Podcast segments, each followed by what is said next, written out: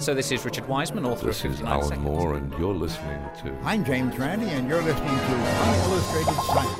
Så du, du leker jo Nei, du leker ikke Gud. Kan eh, kurere kreft om fem For meg så er vel det her like nyttig som homøpati. Dødsannonsen Forskningsnytt. Altså, jeg kan ikke lage en hårete planet. Nei, nei. Uillustrert vitenskap.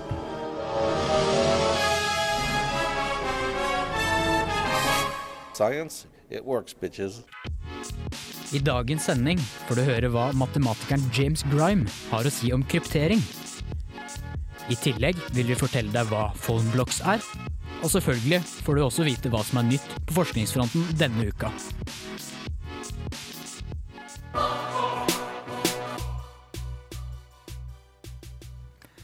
Ja, velkommen til en ny sending av Uillustrert vitenskap. Eh, Jeg heter Hogne, eh, og med meg i dag så har jeg Agnes. Og meg, ikke minst. Ja, og Øyvind. Ja. Så vi, det er oss som skal holde dere underholdt eh, den neste halvtimen eller timen. Det kommer litt an på om du hører på podkast eller live. Eh, Men vi kan like godt sette på med en gang. Eh, Snart får dere høre et intervju av James Grime, men først får du Koking av Lars Vaular.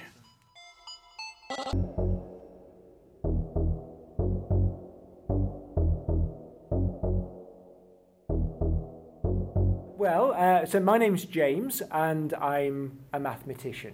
Uh, but don't hold it against me. I'm very nice, I promise. James Grime, mest kjent fra YouTube-sjangeren Numberfile, var tidligere denne uken på NTNU for å snakke om kryptering. Og da spesifikt om kryptering brukt under andre verdenskrig. Men hvorfor ble kryptering så viktig under andre verdenskrig? Uh, so in World War II, uh, obviously you've got secrets you want to keep, and so you would send your secrets using codes, secret messages. And so what Nazi Germany were using was a machine called the Enigma, and they thought it was an unbreakable code. And it's one of the most famous code machines of all time. And uh, the, the Enigma, to, to imagine it, it's like a typewriter. It's pretty much the size of a typewriter. It works a lot like a typewriter. Uh, you have a keyboard, so you would type in your message. But instead of printing on paper, your code actually lights up on a second keyboard. So you type in your message and you get a code. And it's a very hard code to work out. So, unlike easy codes, where you can look for the most common letters as a trick for a code breaker to work it out, uh, the Enigma was different.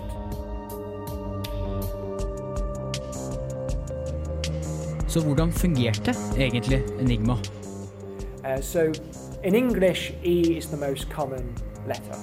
So, if you've got an old fashioned code, if E becomes whatever symbol, let's say it becomes a smiley face, then E, the, the symbol for E, becomes the most common symbol in the code. That's a nice, easy code to break. Uh, but Enigma did not do that. Uh, so if you kept pressing E repeatedly, you would get a different letter each time. So each letter of the message was sent using a different code. And this made it much harder to break.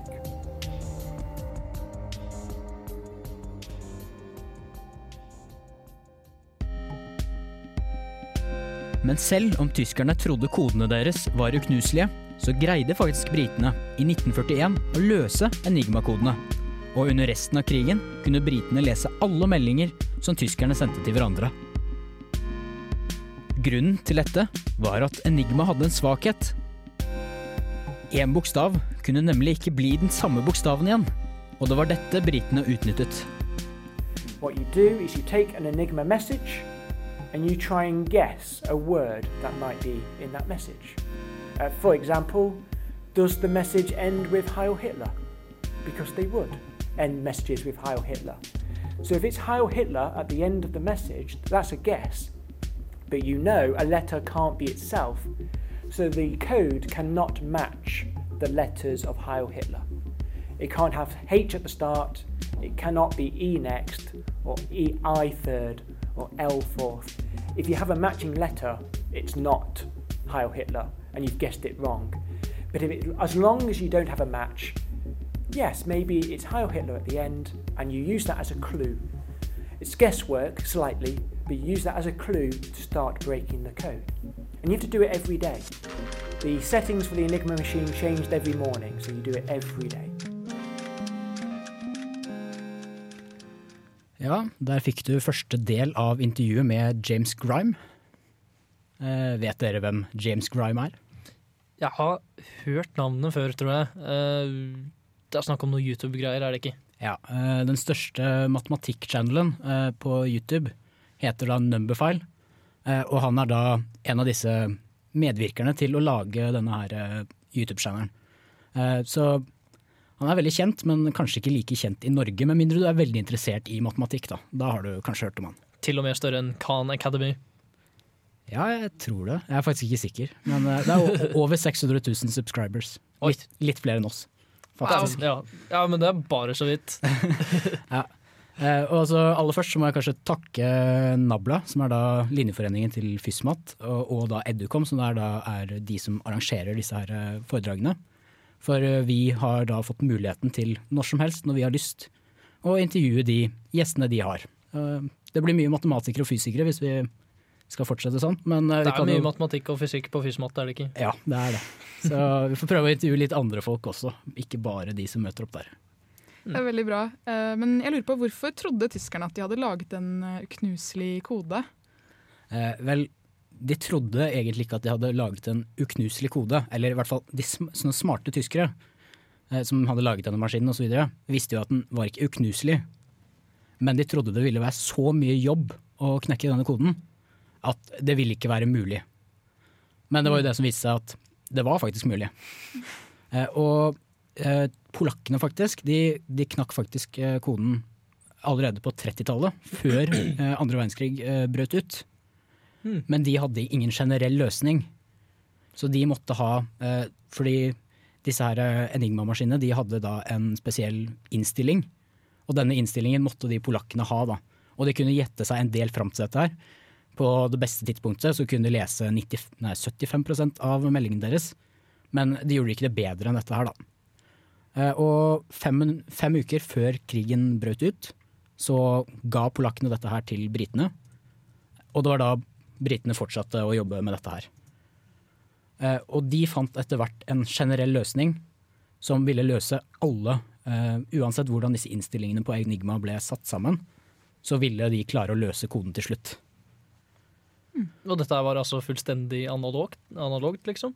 Uh, nei, for at det, dette her er egentlig begynnelsen på uh, datamaskiner.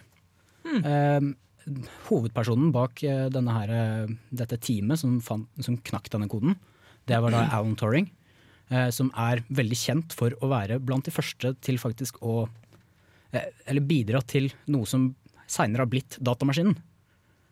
Og denne her eh, krypteringsmaskinen var en av de første maskinene som faktisk gikk an å programmere. For det gikk an å forandre på innstillingene, slik at den kunne løse forskjellige koder.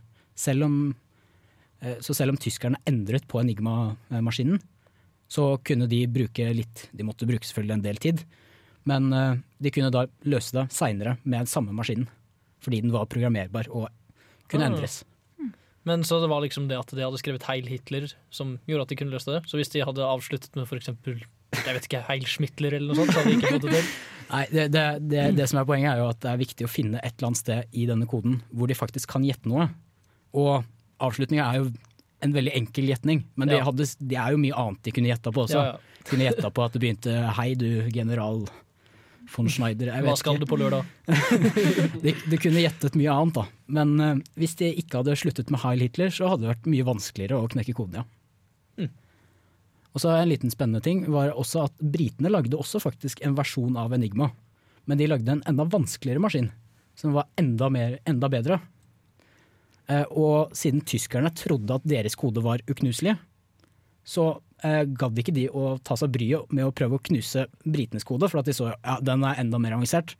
Og vår kode er uansett umulig å knuse, så dette gir vi opp. Så de ga opp etter bare noen uker. Men eh, da syns jeg vi skal snart få høre neste del av intervjuet, hvor vi prater litt generelt om kryptering. Men aller først Arabella av Arctic Monkeys.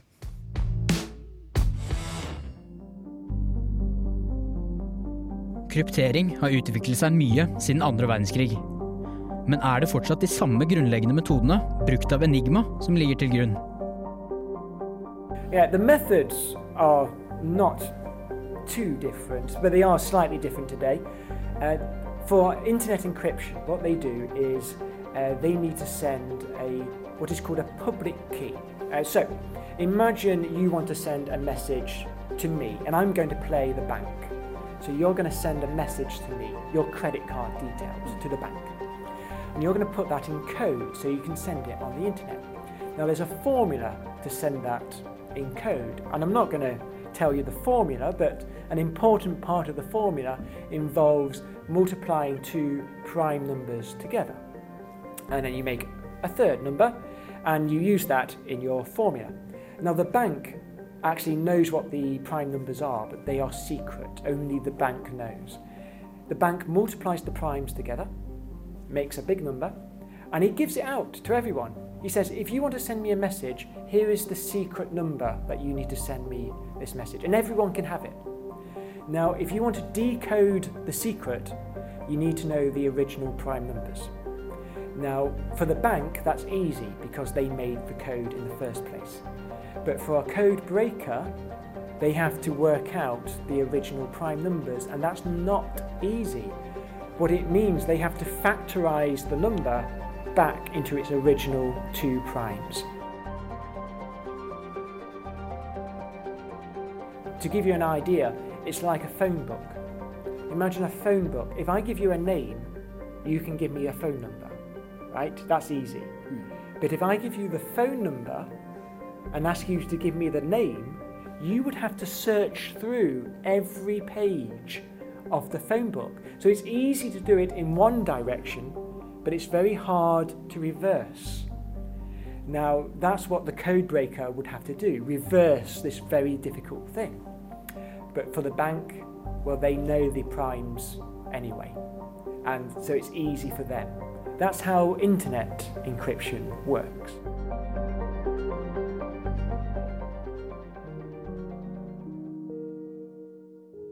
Men hvordan vil kryptering virke i fremtiden? Vil vi bare fortsette med å bruke større og større primtall? Uh, well, the, the future of cryptography, they think the future of cryptography might be uh, what is called uh, quantum cryptography. And what that involves is sending uh, a secret key for the, for the code, and you would send the key using particles of light. And now, by using particles of light, that means that if there's a spy who wants to steal your key, they would have to spy on these particles of light and physics says that by observing these particles of light, you change them. So the machine can detect that and it can shut down and say, This has been observed, there's a spy. And you go, No. Uh, so it's impossible to steal the key. Så i fremtiden vil det ikke bare bli vanskeligere å stjele kryptert informasjon. Det vil faktisk bli umulig, fordi fysikkens lover ikke tillater det. Så den dagen vi begynner å bruke kvantekryptering i hverdagen, vil vi faktisk ha fått til det tyskerne trodde de hadde fått til under andre verdenskrig. Nemlig å lage en uknuselig kode.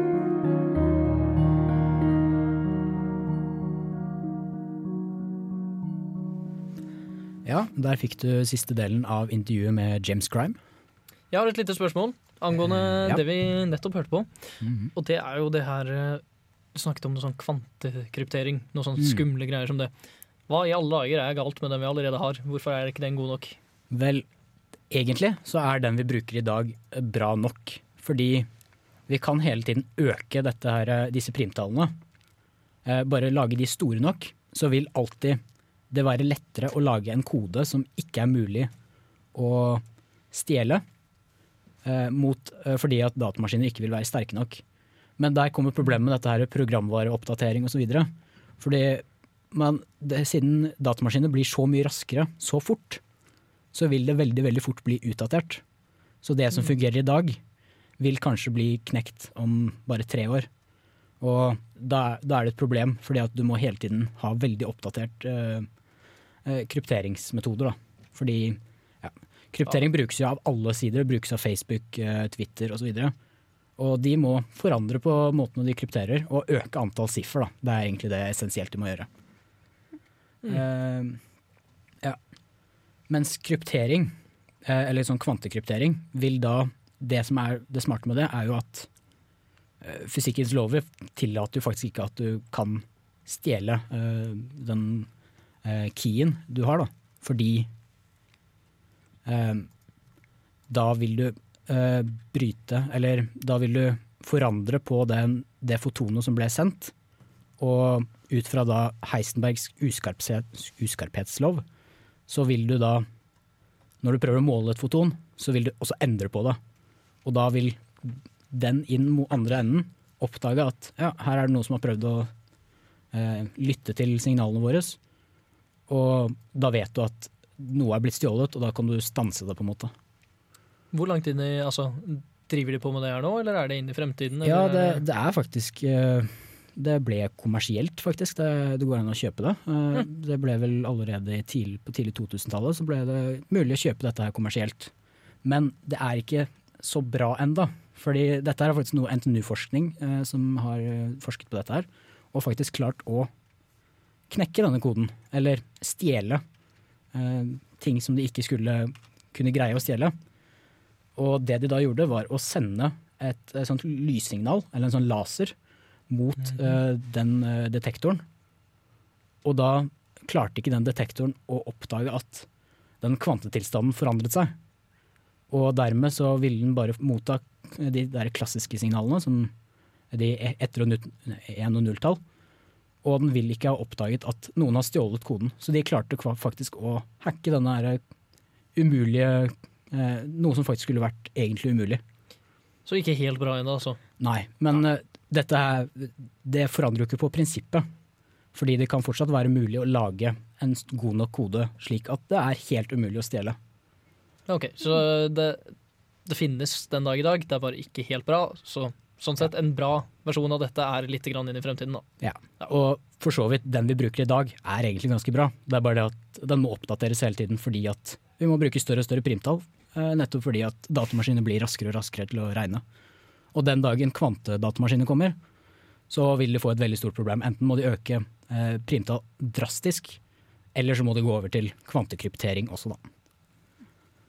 Men da syns jeg vi skal komme oss videre i sendinga. Eh, Nå får du snart vite hva phoneblocks er. Men først får du Some People Light Fires av Short Skirts. Ideer spres til stadighet over internett. Men den siste måneden er det én som kanskje har skilt seg litt ut. Tenk om skjermen på mobilen knuste, og du ikke hadde trengt å bytte ut hele mobilen. Eller du hadde en mobil med altfor lite lagringsplass og et altfor bra kamera. Frykt deg, det er Phoneblocks noe for deg. Den nye mobilen som gjør det så enkelt å oppgradere og forbedre utdaterte deler at den like gjerne kunne ha vært bygget av Lego. Det er ingen tvil om at Phoneblocks er en god idé, men kan det egentlig bli noe mer? Kan det virkelig være så enkelt å redde verden fra et hav av knuste mobiler? Ideen går ut på at alle mobilens komponenter erstattes med enkeltdeler. Disse har alle rektangulære former som lett festes på et kretskort, for så å skru det hele sammen med en vanlig skrutrekker. På den andre siden av kortet sitter skjermen. Ved at de forskjellige komponentene kommer i både forskjellig størrelse og kvalitet, kan man enkelt tilpasse mobilen etter sine egne behov. Eksempel kan man få mer lagringsplass på bekostning av et mindre kamera. Men enn så flott dette høres ut, er det ett lite problem. Den finnes jo ikke. Så langt er det ikke mer enn en liten idé, men mange er derimot enig i at det skal være mulig å lage et fungerende produkt. Hvor bra det vil fungere, er det derimot uenigheter om. Dagens mobiler er utrolig kompakte, med komponenter liggende tett i tett i tett for best mulig ytelse og effektiv bruk av strøm. Hvis alle disse komponentene skulle gjøres om til egne blokker, ville det naturligvis gå utover størrelsen på mobilen, og det hadde vel egentlig ikke hjulpet videre mye at alle blokkene hadde krevd en egen form for prosessor. Men selv om man skulle klare å lage en mobil i noenlunde akseptabel størrelse, så er dette bare noen få av mange potensielle problemer. Til tross for at problemene er mange, og det så langt ikke er mye mer enn en idé, har flere millioner derimot vist interesse allerede. Så da er det kanskje ikke helt utenkelig at disse firkantblokkene en vakker dag erstatter haven av knuste mobiler med et hav av knuste mobildeler, som for så vidt er mye lettere å stable.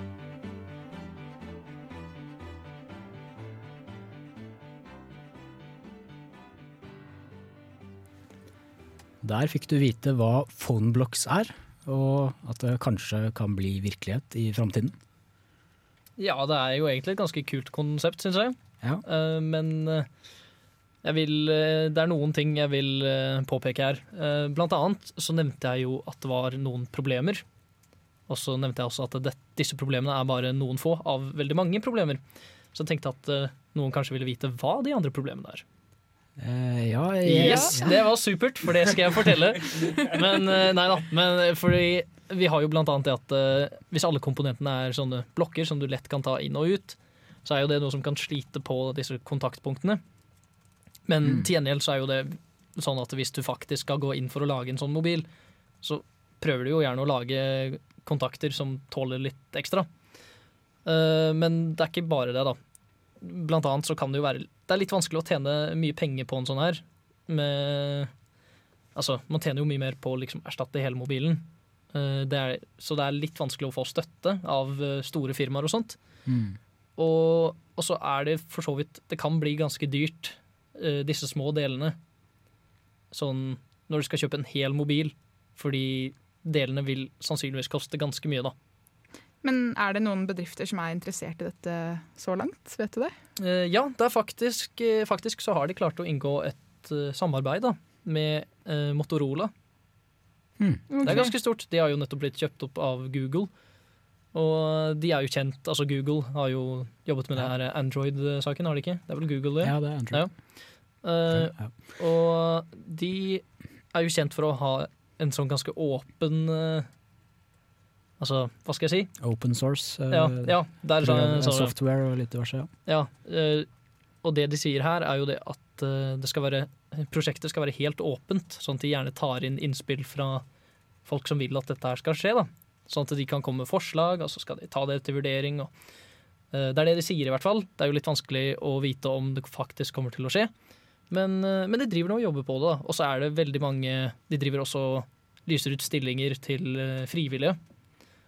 Eh, For å prøve å faktisk få en prototyp, da. Mm, ja. Det hadde vært veldig kult hvis de hadde klart å lage det. Mm, det hadde jo det. Um, og så er det jo det her eh, Noen eh, Som sagt så er det jo bare en idé. Og det, det jo, de har, den bedriften her har jo gått sammen. Så siden det er så mange som faktisk vil støtte den her, dette prosjektet, så kunne man jo kanskje tenke seg at det finnes en kickstarter et sted. Ja, eh, Og det gjør ikke det? Eh, Det er det som er greia, for de har jo faktisk ikke noen prototyp. Og etter kickstarter-reglene fra kickstarter.com, eh, så må du faktisk ha et ordentlig produkt. Sånn Ja, at du liksom litt- ikke sier at 'yes, jeg har en kjempegod idé', ta gi meg penger, liksom. Ja. Jeg har jo sett noen kickstarter litt sånn sende sånn romsonde til Mars. Hvis vi får 20 milliarder, så gjør vi det. Hvis ikke, så gjør vi det ikke. Men eh, man kan donere litt penger, det kan man. Men Ja. det er ikke en sånn faktisk kickstarter, så det er ikke noe som er sikkert ennå. Jeg syns dette hører litt ut som sånne kanalpakker når du kjøper på TV. Sånn, det er mye dyrere å få hver enkeltkanal istedenfor å få en kanalpakke. Men det er veldig mange som har ønsket å kjøpe spesifikke enkeltkanaler. Men Ja. da blir det på en måte veldig mye dyrere igjen. Så det er ingen som benytter seg av den uh, muligheten. Ja, altså, det er jo veldig mange som er interessert i det her, men det er jo også veldig mange som tenker veldig kortsiktig. Og ikke, ser ikke helt det store bildet. Men eh, det er, det er jo så absolutt et kult prosjekt. En veldig kul idé. Som, Høres ut som en veldig bra Og så høres det veldig miljøvennlig ut. ja, det er jo det er akkurat det som er greia. Som mm. jeg sa jo inni der, at uh, istedenfor å liksom få alle disse mobilene som hoper, som hoper seg opp, så får du heller mobildeler. Som er mye mindre, da, i hvert fall. Så alle som bryr seg om miljøet, burde donere penger til det prosjektet her, basically. Da får vi komme oss videre i sendinga. Snart får du forskningsnytt av Agnes, men først får du Kamakai av Blood Orange.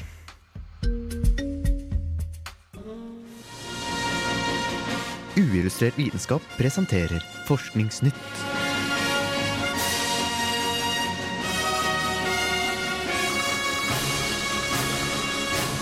Forskningsnytt. Ifølge ny forskning er det nå mulig å redusere atomavfall med 90% Ingeniører fra University of Sheffield har utviklet en måte å redusere volumet av radioaktivt avfall, noe som vil redusere kostnadene for mellomlagring og sluttdisponering. Forskerne fra Universitetets fakultet for teknologi har vist at ved å blande plutoniumforurenset avfall og smelte det til glass, vil volumet minske med 85-95% Det vil også føre til et mer stabilt sluttprodukt. Den samlede volumet av plutoniumforurenset avfall fra drift og avvikling i Storbritannia kan være i overkant av 31 000 kubikkmeter, nok til å fylle klokketårnet Big Ben sju ganger, sier forskningsleder professor Neil Hyatt. Vår prosess vil redusere denne avfallsmengden til å passe pent innenfor rammen av bare ett Big Ben-tårn.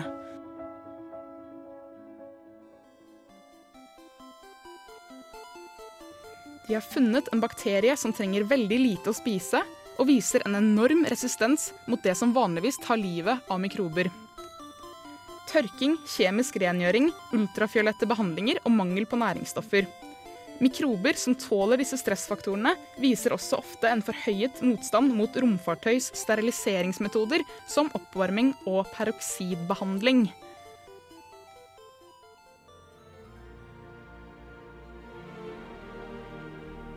De har nå funnet fossiler av en ny kjøttetende dinosaurkonge, som antas å være åtte meter lang og to og et halvt tonn tung. Oversettelsen av navnet lyder enda mer skrekkinngytende. The Gore King from Southwest, eller Gørrkongen fra sørvest. Det er ingen tvil om at den nyoppdagede Lytronax argestes vil være den perfekte hovedrolleinnehaveren i en Jurassic Park-film.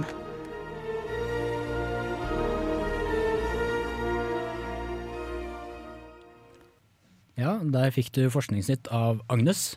Og den første saken var uh, om her, dette her radioaktive avfallet fra plutonium. Ja. Um, den metoden de bruker nå da, for uh, ikke-kompakt uh, plutoniumforurenset avfall, er å pakke det inn i sementkapsler. Uh, og det er en prosess som, uh, som, på en måte øker det totale volumet. Uh, og hensikten med dette prosjektet her er jo da å redusere avfallsmengden som, som uansett må lagres og begraves under jorden. og stabilisere platonium ved å pakke det inn i et mer såkalt korrosjonssterkt materiale. da. Mm. og det de også da gjør, er jo å um, blande det sammen med et biprodukt fra stålproduksjon og vende det inn i glass. En såkalt forglassing da, som skal gjøre at dette blir eh, ikke så risikabelt som det er. At det tar mye mindre plass, annet, som jeg nevnte i, i den uh, saken. Ja, Det hørtes smart ut. Kan du gjøre dette med andre, eller vet du om du kan bruke, gjøre dette med andre stoffer enn plutonium? Andre radioaktive avfall? Det burde jo, uh, Nå vet jeg ikke så mye om akkurat platonium, om det er noe veldig sånn særegent for det, men det burde jo, det er jo en metode som bør funke da, for, for flere radioaktive stoffer. Mm. Men det er ikke noe som gjøres i garasjen eller noe sånt? Nei, nei jeg tror ikke det. nei. Uh, og det neste var jo disse her veldig kule mikrobene.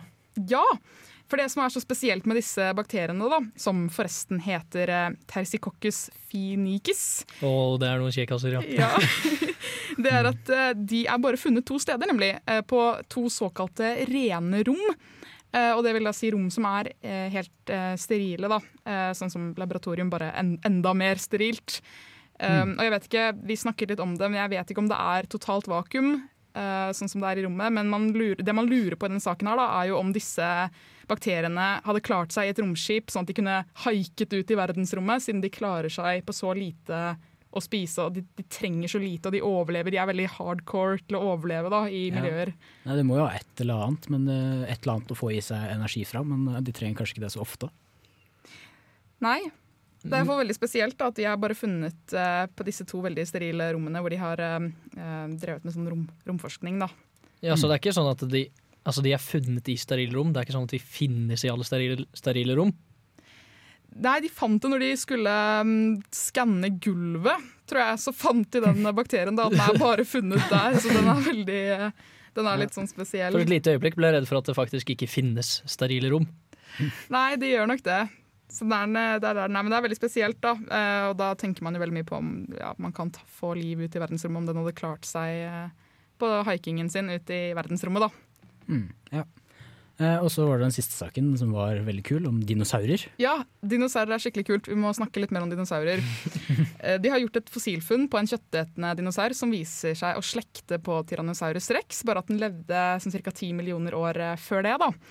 Og den dinosauren den eh, levde på et sånt øykontinent, eh, hvor de har funnet ut at eh, tyrannosaurene var ganske forskjellige fra hverandre, alt avhengig om de bodde nord eller sør på, den, på det kontinentet. da. Eh, ja. og de, Disse oppdagede eksemplarene ble funnet i et eh, enormt ørkenlandskap i den amerikanske staten Utah. Uh, og Der ble det også funnet andre dinosaurarter, hvor, de fleste, hvor det, altså det er muligheten for at de kan finne flere arter der. da. Så det er jo en sånn uoppdaget dinosaurkirkegård som de har funnet. Ja, Synd det ikke Finnes det mye sånn dinosaurfunn i Norge også, tror du? Eller vet du? De har jo, jo, på Svalbard så graver de jo frem sånne øgler da, som jeg er dødsredd for. Som jeg håper at de ikke finner flere av. Øgler, Eh, er ikke det bedre enn dinosaurer? Hvordan kan du være mer redd for øgler enn dinosaurer? fordi det er en øgle som heter uh, Leoplaurodon, som hadde like store tenner som agurker. Som er, ikke, er ikke det den der eh, i sjøen, i havet? Jo, det er, ja, den har du sett? svære dusten? Ja, du har sett på det der programmet som når vi var barn, så gikk det sånn der Walking with Dinosaurs på NRK, hvor det var en kjempeekkel episode med den. da. Jeg vet ikke om det var der jeg fikk det fra. Jeg tror jeg bare er født med den kunnskapen. Altså. Det er kjempebra. Noen er født med dinosaurkunnskaper fra før av. Det trenger vi mer av. Ja. Men uh, nå kommer det en veldig passende låt. Den heter 'Dinosaurer' av Yo-guttene. Vi skal i fengsel. Uillustrert vitenskap. Radio Revolt. This is Charles L. Bennett from Johns Hopkins University. Science, it works, bitches. Ja, da begynner vi å nærme oss slutten på sendinga, men vi rekker å synse bitte litt. Eh, Øyvind, du har funnet en kul sak. Det har jeg faktisk. Det er, den er litt gammel, men den er veldig kul. Det er snakk om en Dette var i gamle Sovjet. En fyr som stakk hodet sitt inn i en partikkelakselerator. Og dette gjorde han jo fordi det hadde gått et eller annet gærent. Og ikke bare hadde gått noe gærent med selve partikkelakseleratoren, det hadde også gått noe gærent med sikkerhetsmekanismene.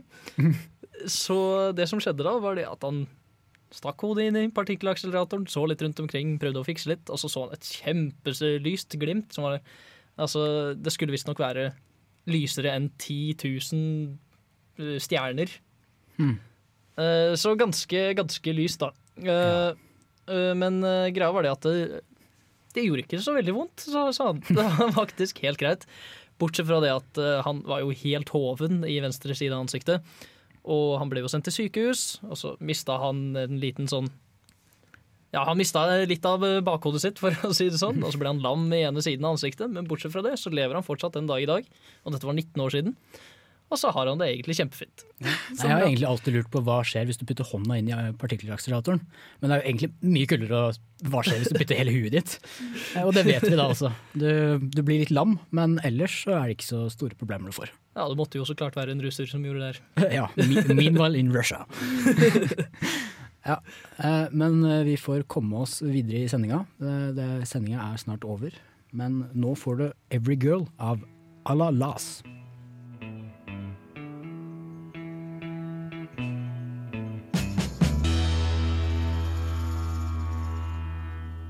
I'm James Randi, and you're listening to Unillustrated Science.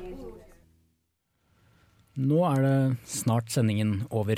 Men før vi avslutter, så må jeg bare nevne at eh, om dere har lyst til å høre hele intervjuet med James Crime, så kommer den til å bli lagt ut på en eh, YouTube-channel som nå er opprettet.